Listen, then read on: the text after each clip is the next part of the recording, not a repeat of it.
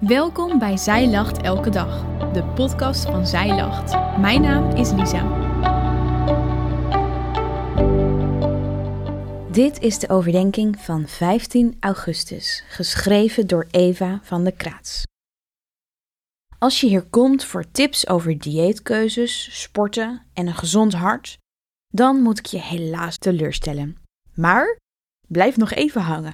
Deze tips gaan veel verder dan je hart hier op aarde. Deze tips gaan over je hemelse hart.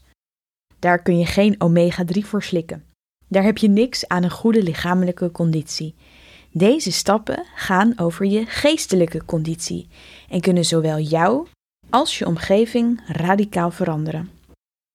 Stap 1. Wat erin gaat, komt er ook weer uit. In Matthäus 12, vers 34 en 35 lezen we: Iemands woorden verraden wat er in zijn hart is. Een goed mens haalt goede dingen tevoorschijn uit de goede voorraad in zijn hart. Maar een slecht mens haalt slechte dingen tevoorschijn uit de slechte voorraad in zijn hart.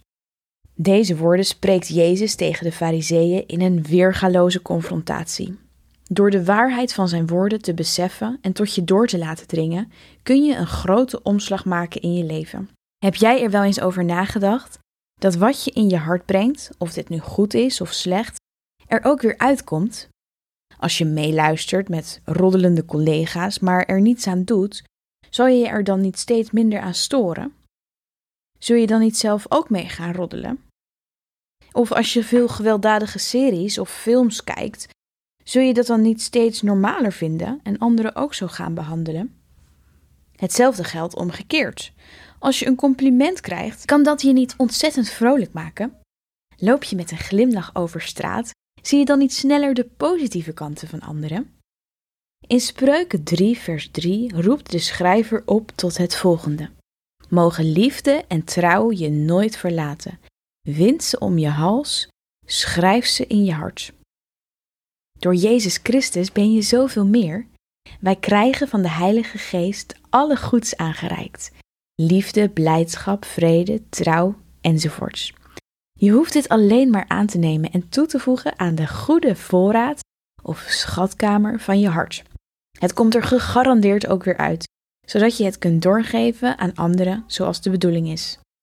Kortom, waarom zou je het contact met goede dingen vermijden als je ze ook kunt omarmen en opzoeken?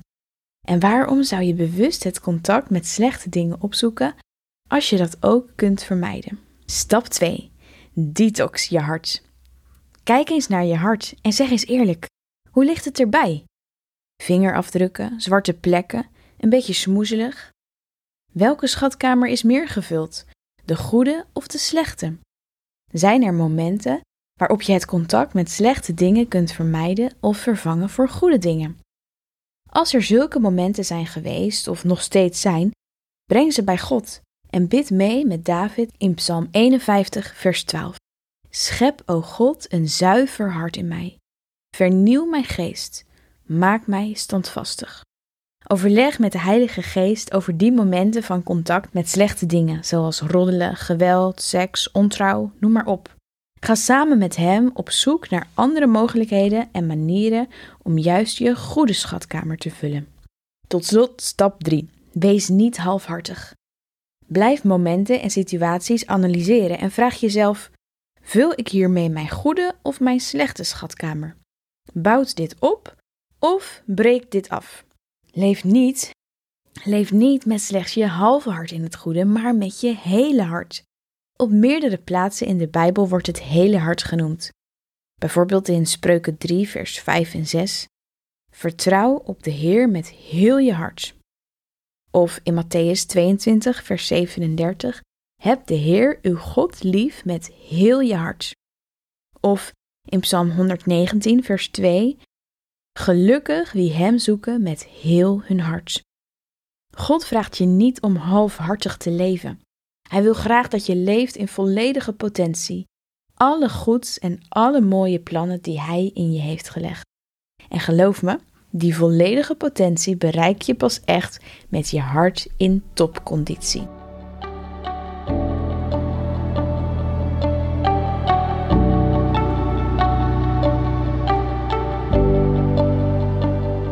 Dankjewel dat je hebt geluisterd naar de overdenking van vandaag. Wil je de overdenking nog eens nalezen? Check dan onze website. Je vindt daar ook nog meer toffe dingen die jou helpen om de Bijbel vaker te openen. Zoals boeken, bijbels, cursussen en evenementen. Morgen ben ik weer bij je terug met een nieuwe overdenking. Tot dan!